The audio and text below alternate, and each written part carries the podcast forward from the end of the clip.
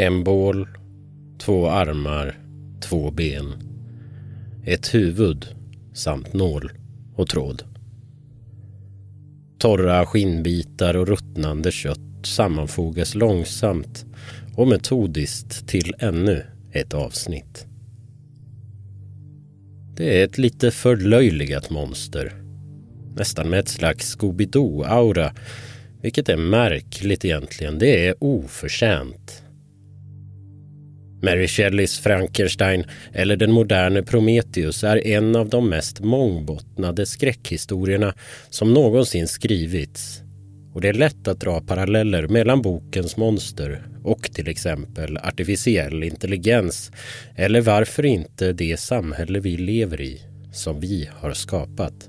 Ett monster som hotar att förgöra oss. Dessutom är det en av föregångarna till subgenren body horror där kroppen är det skrämmande och groteska och där gränser kränks i form av mutationer, abnormitet och stympning. Det som gjorde Frankensteins monster otäckt var inte att han var ond eller våldsam utan det var det fula som skrämde. De illa sammanfogade kroppsdelarna och de simmiga, gulnande ögonen. Jag heter Albin Boman och det här är Podplays fruktansvärda monster.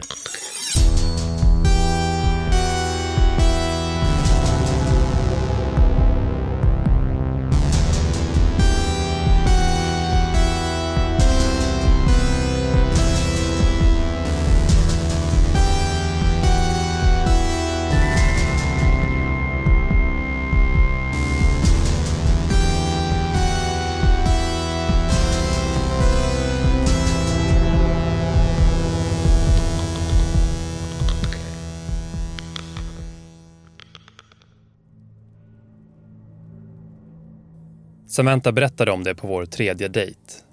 Vi satt i hennes soffa och tittade på film när jag lutade mig närmare för att kyssa henne. Hon satte upp sin hand framför mitt ansikte och stoppade mig.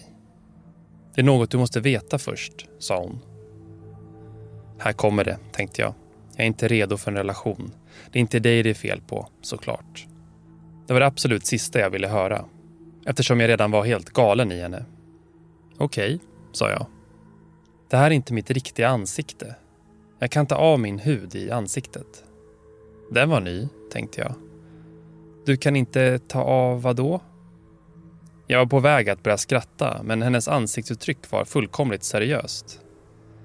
Jag kan ta av min hud i ansiktet, sa hon igen. Är det någon slags metafor eller något? sa jag. Nej, jag kan bokstavligt talat ta av mitt ansikte. Titta, kolla nära. Hon lyfte på hakan och visade sin käklinje. Du kan se sömmen där, sa hon. Efter att ha beundrat hennes vackra hals för ett ögonblick lutade jag mig in för en närmare inspektion. Det var svårt att se, men det såg ut som en något onaturlig övergång från hennes hals till ansiktet.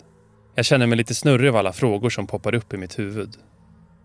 Bry dig inte om att fråga varför, sa Samantha. Jag kan inte berätta det för dig. Om det här är ett problem så kan du gå nu.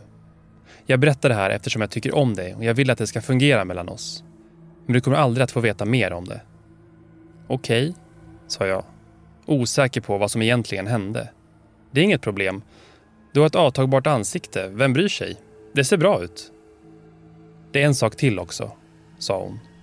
En gång om dagen, oftast på kvällen, måste jag ta av huden och desinficera insidan.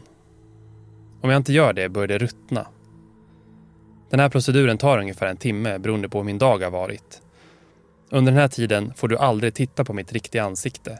Aldrig. Förstår du? Ja, ja, jag förstår.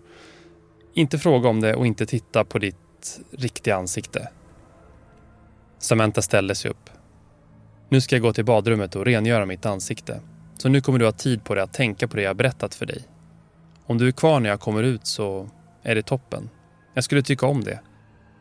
Men om du inte är kvar så förstår jag dig. Hon vände sig om och gick iväg. Jag satt tyst kvar och hörde hur hon stängde badrumsdörren. Jag tänkte över det hon hade berättat. Det fanns en möjlighet att det var någon typ av skämt. Det var möjligt att det var en vanföreställning. Var det möjligt att det var sant? Med tanke på vad skådespelare kan åstadkomma med masker så antog jag att det var möjligt för Samantha att bära ett avtagbart ansikte varje dag. Hon kanske hade råkat ut för en otäck olycka där hennes ansikte blivit vanställt. Eller så hade hon fått syra kastat på sig, eller bränts av eld. Eller någon ansiktsskada i en industrimaskin. Hur det än var skulle jag aldrig få veta. Hon tänkte aldrig berätta det för mig. Och jag skulle heller aldrig få se det. Jag föreställer mig ett ansikte med råa, nakna muskler som ruttnade.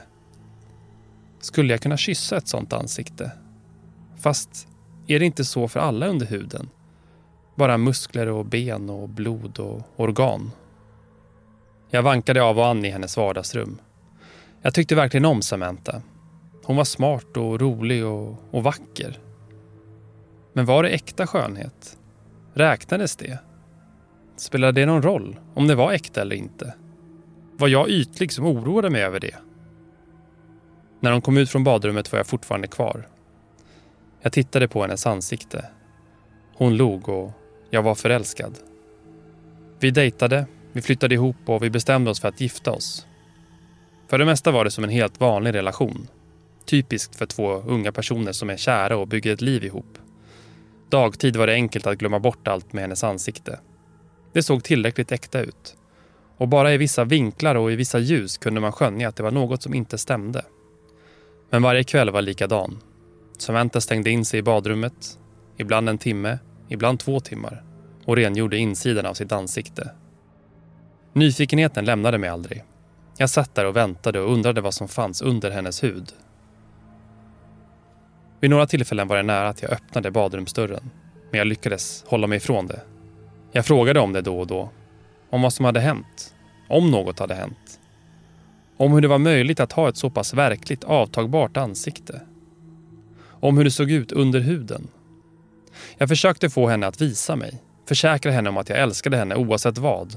Och att jag inte brydde mig ett dugg om hur hennes riktiga ansikte såg ut. Att jag bara var nyfiken. Inget annat. Hon visade mig aldrig. Och hon berättade aldrig bakgrundshistorien hon blev inte upprörd. Hon sa bara du vet att du inte får se och du vet att jag inte kan berätta mer om det. Det här var också något som jag höll för mig själv. Det var inte så att hon bad mig att inte berätta.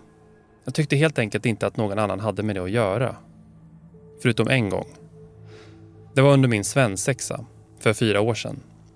Vi hade hyrt några stugor vid en sjö långt ute i skogen och drack en massa sprit och tog en hel del andra mindre lagliga rusmedel. När alla andra hade däckat gick jag och min bästa kompis Chris ner till sjön och tittade på soluppgången. Chris var som en bror för mig. Vi hade växt upp tillsammans men efter universitetet flyttade vi till olika städer. Men vi höll fortfarande en nära kontakt med varandra. När vi stod där vid sjön i soluppgången berättade jag om Samantas ansikte. Först trodde han att jag skämtade. Sen hade han tusen frågor. De flesta kunde jag inte svara på. Vad är det under? frågade han. Jag vet inte. Jag lovar, jag vet inte. Men blir du inte galen av att inte veta? Jag ryckte på axlarna. Det är mycket jag inte vet. Jag vet inte hur man stickar. Jag vet inte vad som händer när man dör. Men snälla, hon ska ju bli din fru. Och du vet inte ens hur hennes ansikte ser ut. Jag menar, jag hade tagit en snabbtitt i alla fall. Typ satt upp en kamera in i badrummet. Det är väl där hon gör det, eller hur? Sätt upp en kamera, titta på filmen och sen vet du.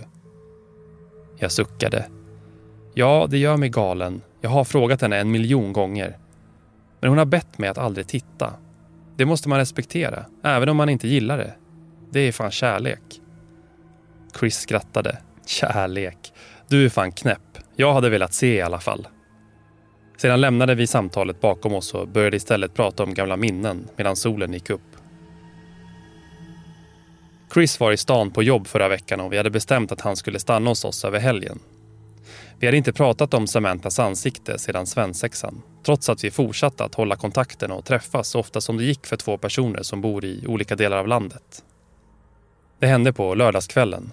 Vi satt på altanen och drack öl och hade precis käkat en rejäl grillmiddag när jag fick ett sms från jobbet. Fan också, sa jag. Jag måste ta ett jobbsamtal. Allvarligt, sa Samantha och höjde sitt artificiella ögonbryn. På en lördagkväll. Det är min största kund. Sorry älskling, jag måste ta det. Ja, ja, det är vad det är, sa hon. Jag ska gå in och göra mig redo för att gå och lägga mig. Chris, är det okej okay om du hänger här själv en stund? Chris log. Jag har min öl, jag klarar mig, sa han. 15 minuter in i jobbsamtalet hörde jag skrik inifrån huset. Både min bästa vän och min fru vrålade av skräck. Jag släppte telefonen och sprang in i huset och bort till badrummet.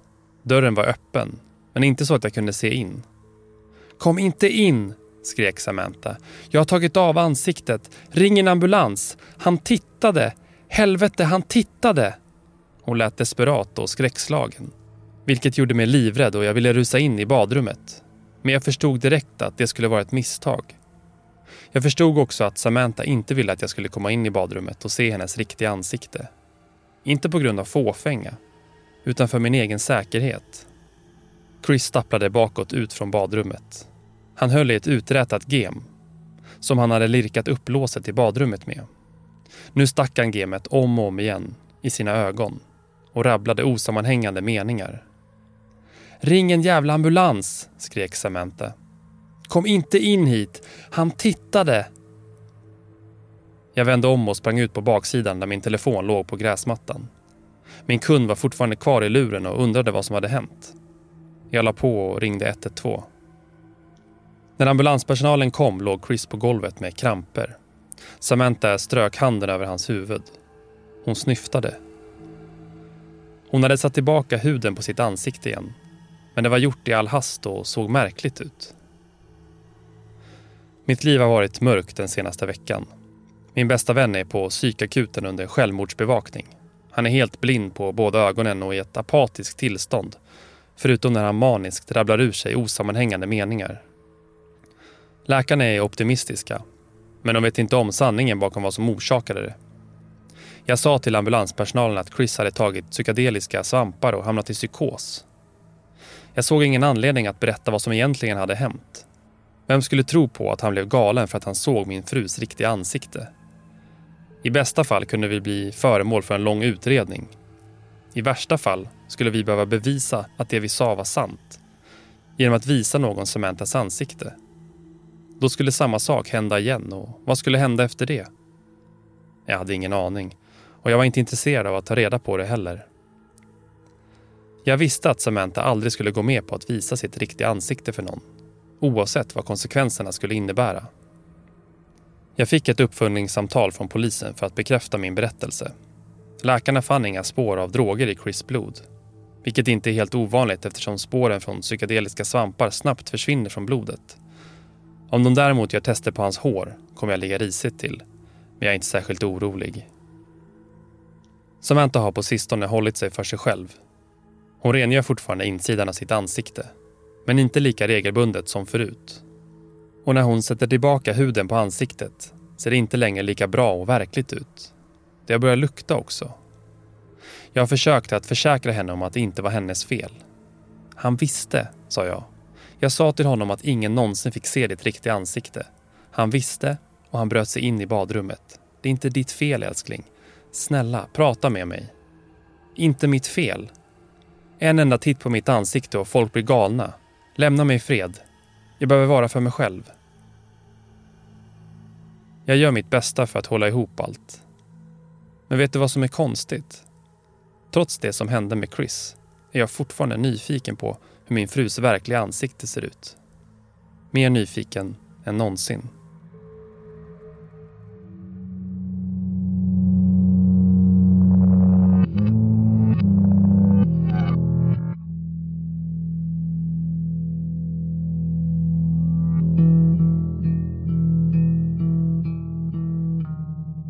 Det här är också rätt intressant att man pratar om Frankenstein, Frankensteins monster eh, liksom blir lätt Frankenstein för man vill ha ett namn på det här monstret på något sätt.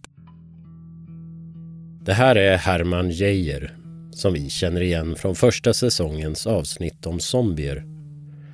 Han är bland annat zombieöverlevnadsexpert, föreläsare och författare och har nyligen släppt boken Monstersamhället från förnekelse till framtid i vilken han drar paralleller mellan dagens samhälle och Viktor Frankensteins monster.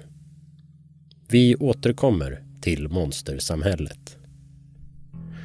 Vi börjar istället vid Frankensteins skapare, alltså författaren Mary Shelley. Hon föddes 1797 i London och var dotter till den feministiska filosofen och kvinnorättsaktivisten Mary Wollstonecraft samt den anarkistiske filosofen William Godwin. Mary Shelley växte upp i radikala kretsar och hennes föräldrar var angelägna att se till att hon fick en gedigen utbildning. Hon gifte sig så småningom med en av romantikens poeter, Percy Bysshe Shelley. I maj 1816 reste paret tillsammans med Marys styvsyster Claire Claremont till Genève för att tillbringa sommaren med den brittiske poeten Lord Byron. De hyrde ett hus intill Genèvesjön och tillbringade dagarna med att skriva och nätterna åt samtal. Det visade sig bli en blöt och otrevlig sommar, har Mary Shelley skrivit senare. Ihållande regn tvingade oss att stanna inomhus flera dagar i sträck. En av dessa regniga dagar föreslog Lord Byron att de skulle hitta på varsin spökhistoria att berätta för de andra. Det var där och då som idén till vetenskapsmannen Frankenstein och hans monster föddes. Mary Shelley har själv berättat att bilden av Frankensteins monster kom till henne som i en dröm. Hon såg framför sig skepnaden av en livlös man som låg utsträckt på ett bord. Och med hjälp av en kraftfull maskin började han att visa tecken på liv och sen röra på sig. Tanken på att en människa smädar världens skapare genom att själv framställa liv var skrämmande, menade Mary Shelley. När den första utgåvan av Frankenstein gavs ut var hon endast 20 år gammal.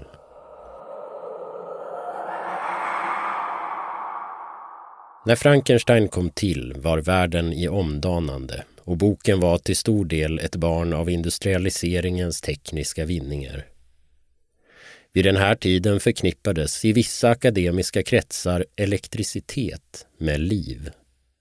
1780 hade den italienske fysikern Luigi Galvani upptäckt att han genom att skapa kontakt mellan grodors muskler och metall kunde frambringa ryckningar i det döda djuret. Detta kom att kallas för galvanism. För Galvani var upptäckten en bekräftelse på hans egen tes att djur har en inneboende elektricitet. Det var flera viktorianska forskare som trodde att man kunde återge liv till döda kroppar genom att tillföra elektricitet till hjärnan. Det genomfördes också experiment kring detta på döda människor. Det var ofta kropparna efter avrättade brottslingar som utsattes för elchocker och det kunde då för åskådarna se ut som att de gav tecken på liv. Romanens visionäre vetenskapsman Viktor Frankenstein drivs av viljan att upptäcka något stort och världsomvälvande. Han börjar att intressera sig för och experimentera kring döden, anatomi och livets uppkomst. Han blir besatt av tanken på att komma närmre skapelsens ursprung genom att väcka liv i döda ting. Han sätter samman en varelse av kroppsdelar från avlidna människor och han lyckas få liv i den. Men vad är det han egentligen har skapat? Monstret är väl egentligen en, någon sorts bild av en tabula rasa. Jag tänker att det, det var 1816 när hon började skriva boken så var ju liksom, det var ju upplysningens kölvatten och, och det var en del som Rousseau till exempel på den tiden som pratade om att vi föddes som tomma ark och bara fylldes på av liksom samhället sådär. Eh, och monstret är ju väldigt mycket en, en tabula rasa, en, någonting som är, är ganska tomt när den föds och formas av hur omgivningen betraktar den poddtips från Podplay. I podden Något Kaiko garanterar östgötarna Brutti och jag, Davva, dig en stor dos skratt. Där följer jag pladask för köttätandet igen. Man är lite som en jävla vampyr. Man har fått lite blodsmak och då måste man ha mer. Udda spaningar, fängslande anekdoter och en och annan arg rant. Jag måste ha mitt kaffe på morgonen för annars är jag ingen trevlig människa. Då är du ingen trevlig människa, punkt. Något Kaiko, hör du på Podplay. Därför är gardinerna. Monstret får aldrig något namn. Han förstår att han på något vis är kopplad till människor men inser också att han är annorlunda. Han börjar att ställa sig existentiella frågor om varför han finns, varför han har kommit till och vem han egentligen är. Till slut får han veta att det är Viktor Frankenstein som har skapat honom. Men, men monstret i sig är ganska, ganska tomt och sen fylls det väldigt mycket av hämndbegär och den typen av känslor för att den tycker inte att skaparen har uppfyllt plikterna mot den.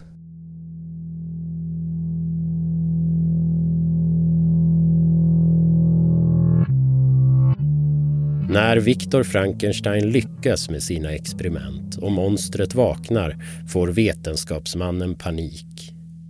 Han förstår att han genom att ha skapat liv har överträtt en moralisk gräns och att varelsen är något okontrollerbart och farligt, så han flyr. Eftersom monstret är konstruerad av döda fullvuxna kroppar behöver han inte gå igenom någon barndom utan tvingas in i vuxenvärlden direkt efter så att säga födseln. Han lär sig tala och lär sig att läsa. Och han är godhjärtad. I hemlighet hjälper han en fransk familj med vardagssysslor som att skotta snö och samla ved. Men när han blir upptäckt misshandlar familjen honom och han tvingas att fly. Han räddar en flicka ur en fors men blir skjuten av flickans pappa. Han är så anskrämlig med sina ihopsydda torra skinnbitar och illa passande kroppsdelar att han blir bortstött och hamnar i ett totalt utanförskap.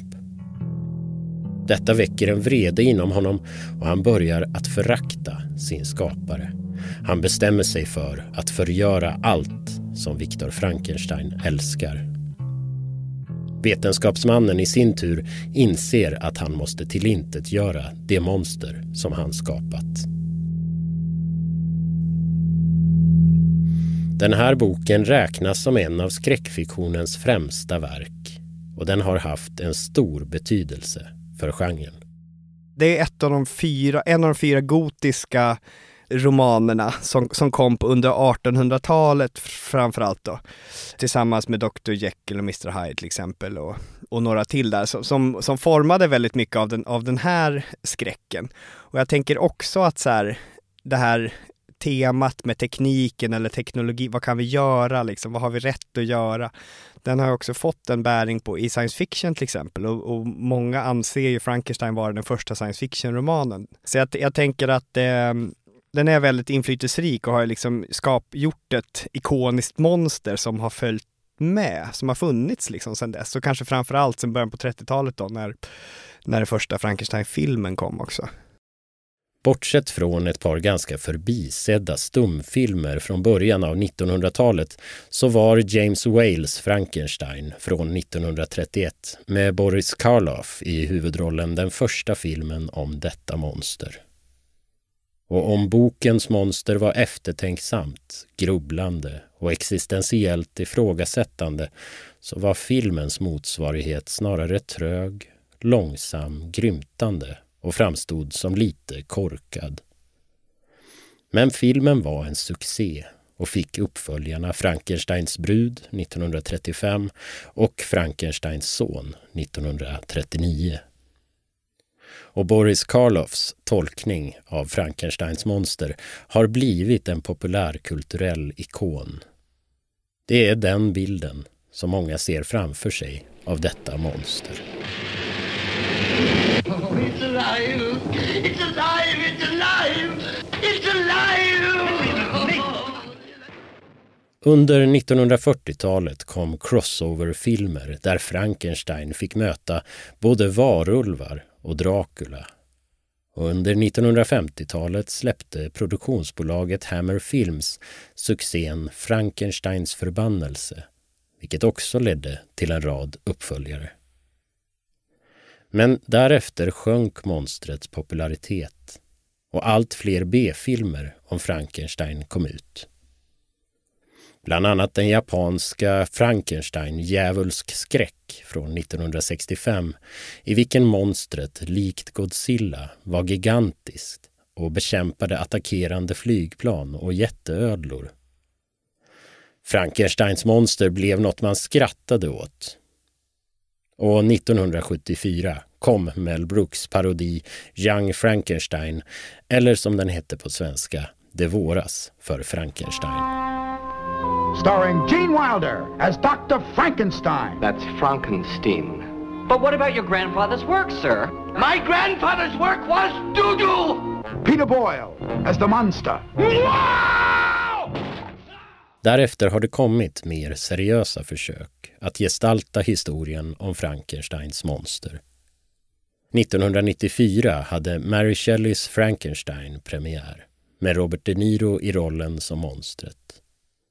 I den ville regissören Kenneth Branagh vara mer trogen originaltexten än tidigare filmer men någon kritikersuccé blev det dock inte tal om. Den kom i kölvattnet efter Francis Ford Coppolas Dracula-adaption men lyckades inte leva upp till förväntningarna trots att Coppola stod med som producent.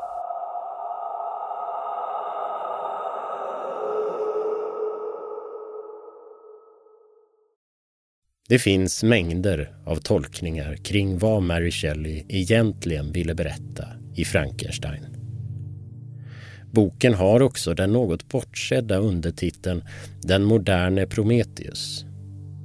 Prometheus var inom den grekiska mytologin en titan som stal elden och konsten från gudar och gav dessa förmågor till människorna. Han straffades för detta genom att fjättras vid en klippa och en örn slet loss stycken av hans lever dag efter dag. Levern växte ut igen så hans lidande skulle aldrig ta slut. På ett liknande sätt lekte Viktor Frankenstein Gud när han skapade liv och för detta straffas han av sin egen skapelse.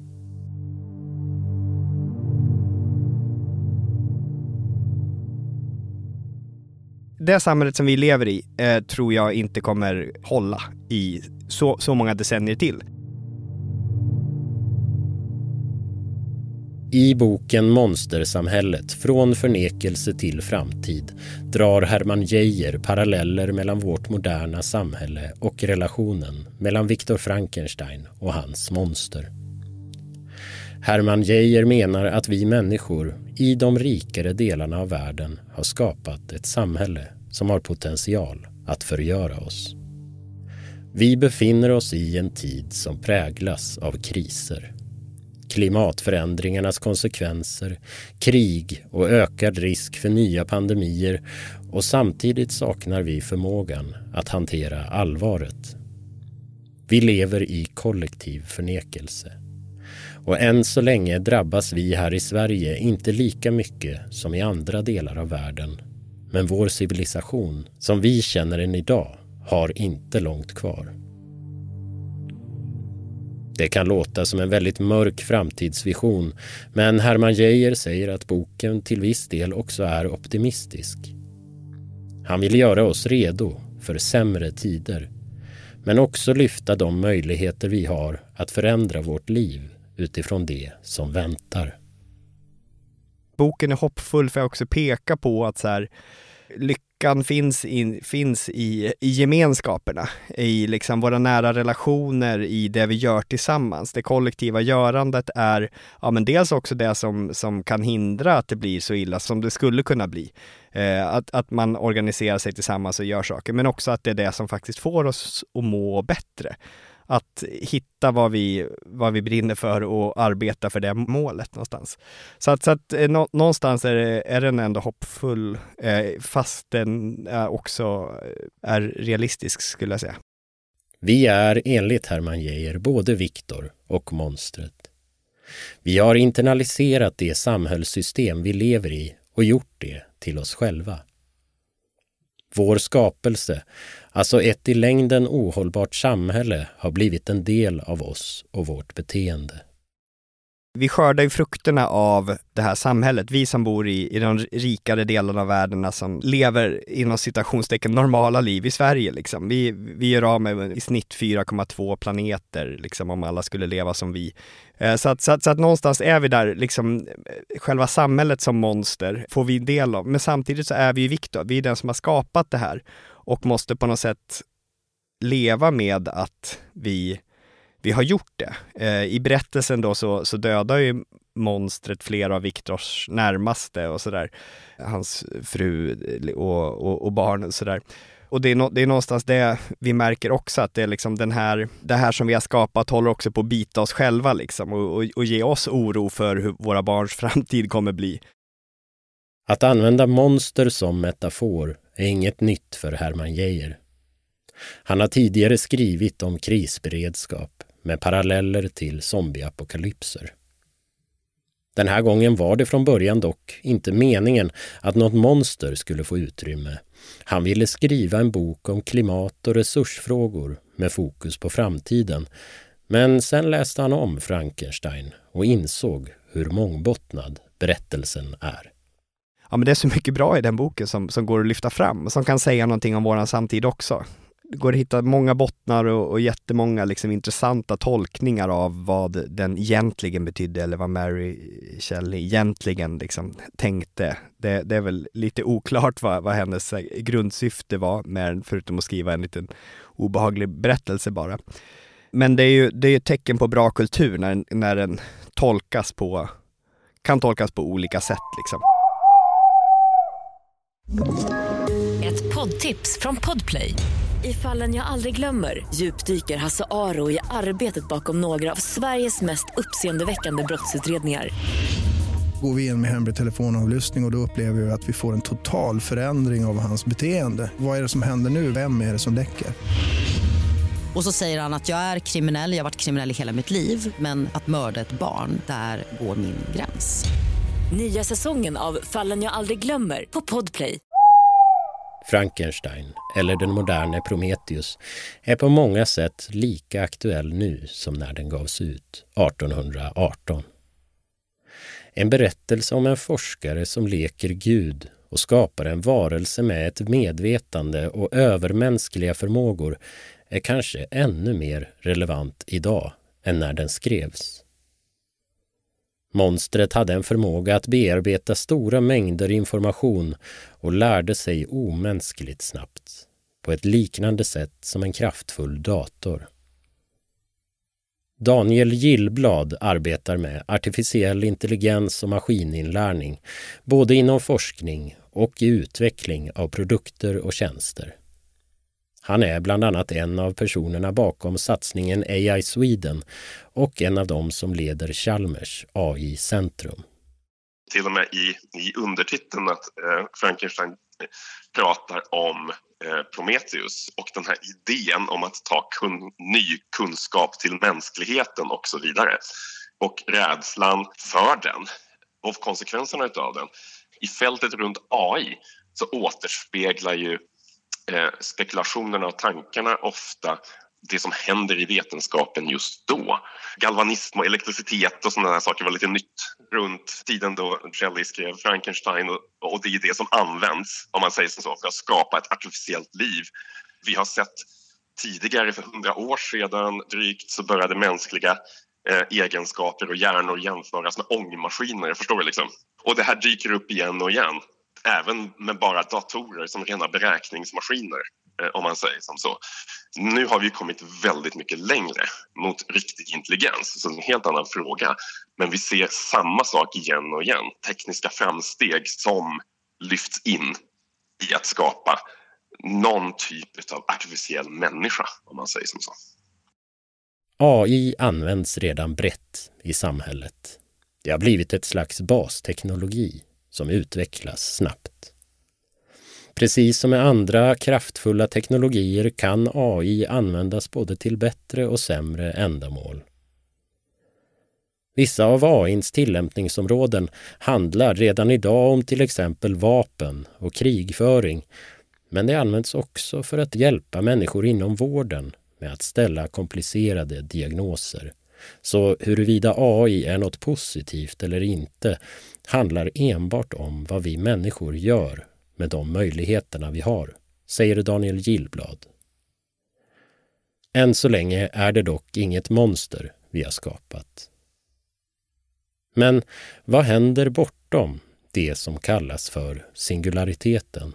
Alltså det flyktiga ögonblick när den artificiella intelligensen passerar vår medvetandenivå och blir lika utvecklad och därefter överlägsen den mänskliga hjärnan. Vad händer när de här systemen blir superkomplicerade? När vi kopplar ihop massvis med sådana här system som har olika egenskaper och sånt där, då blir konsekvenserna väldigt svåra att ha koll på.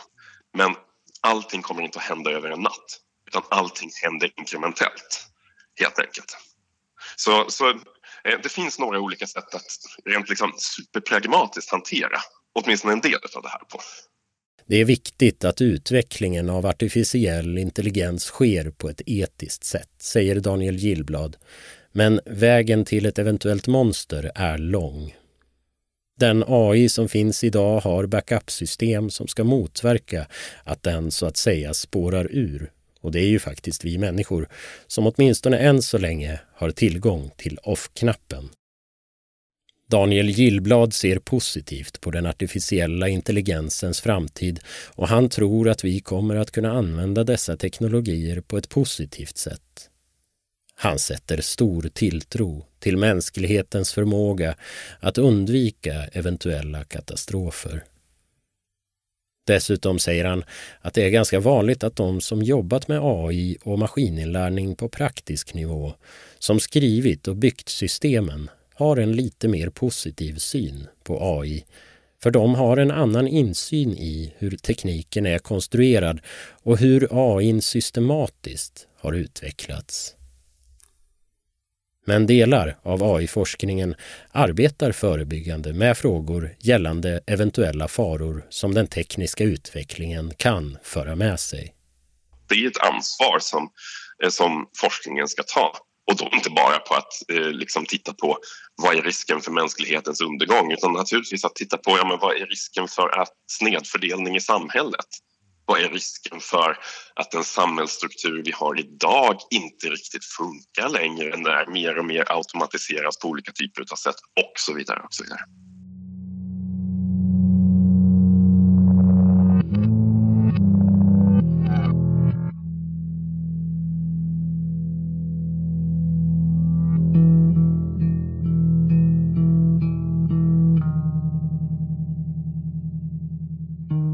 Det finns sannoliken också skeptiker. I februari i år skrev Olle Häggström, professor i matematisk statistik vid Chalmers, en debattartikel i GP med rubriken “Ledande AI-företag spelar rysk roulette med mänsklighetens överlevnad”. I den varnar han för en situation där AI kan börja förbättra och utveckla sig själv utan mänsklig inblandning och hur det kan leda vidare till ett läge där maskiner tar över makten. Mänsklighetens öde kommer att hänga på vad maskinerna har för mål och drivkrafter, skriver han och efterlyser ökad reglering och politisk styrning som ska sätta press på de ledande teknikbolagen att ta ansvar för AIns utveckling.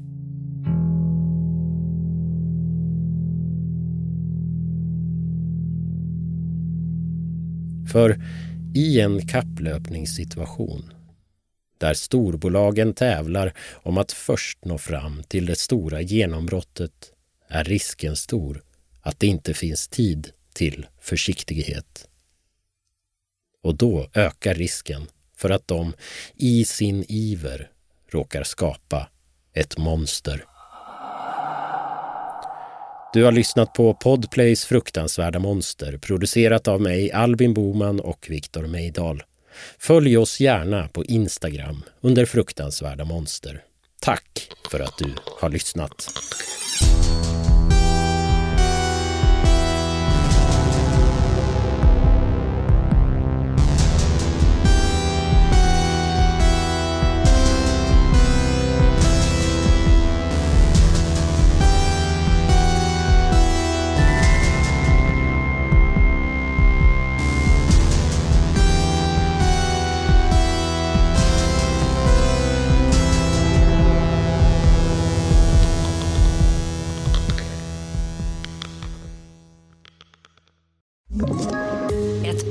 Poddtips från Podplay.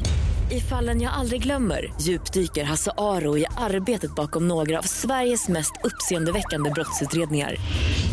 Går vi in med hemlig telefonavlyssning och, och då upplever vi att vi får en total förändring av hans beteende. Vad är det som händer nu? Vem är det som läcker?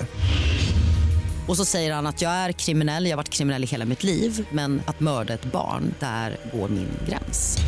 Nya säsongen av Fallen jag aldrig glömmer på Podplay.